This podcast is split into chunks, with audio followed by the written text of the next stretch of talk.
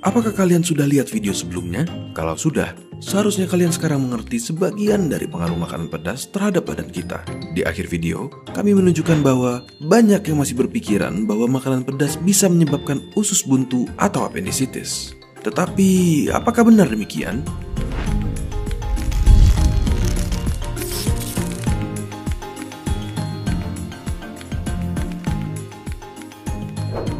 Coba kita lihat dulu apa yang sebenarnya dimaksud dengan appendicitis. Appendicitis adalah inflamasi atau bisa dilihat juga sebagai suatu blokir di appendix tubuh kita. Ada beberapa penyebabnya, seperti infeksi ataupun karena tumor, parasit, bahkan benda asing seperti batu. Tapi sebenarnya apa sih appendix itu? Appendix adalah tonjolan seperti jari yang ada di intestin kita yang sampai sekarang dianggap vestigial atau tidak mempunyai fungsi apa pun bagi tubuh.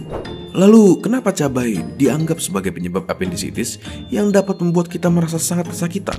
Banyak yang percaya bahwa biji-bijian pada cabai yang kita konsumsi tersangkut di appendix hingga menyebabkan appendicitis. Tetapi sejauh ini, tidak ditemukan adanya korelasi yang kuat di antara keduanya.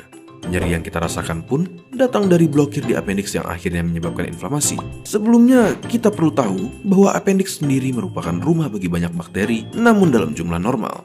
Jika terjadi blokir, mereka akan semakin berkembang, menyebabkan inflamasi, memberi kita rasa nyeri, hingga appendix kita tidak cukup kuat untuk menampung pus yang menumpuk dan bocor ke daerah peritoneum. Hasilnya, rasa nyeri yang sangat intens pada abdomen.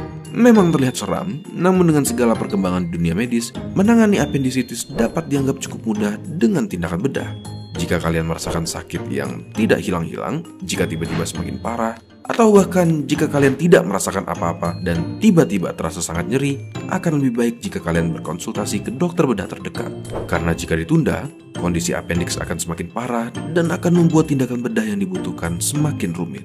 Bagaimana? Apakah kalian dapat merasa lebih tenang mengonsumsi makanan pedas?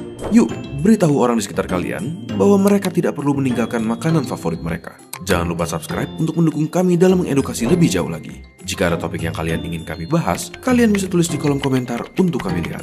Terima kasih dan sampai ketemu di video berikutnya.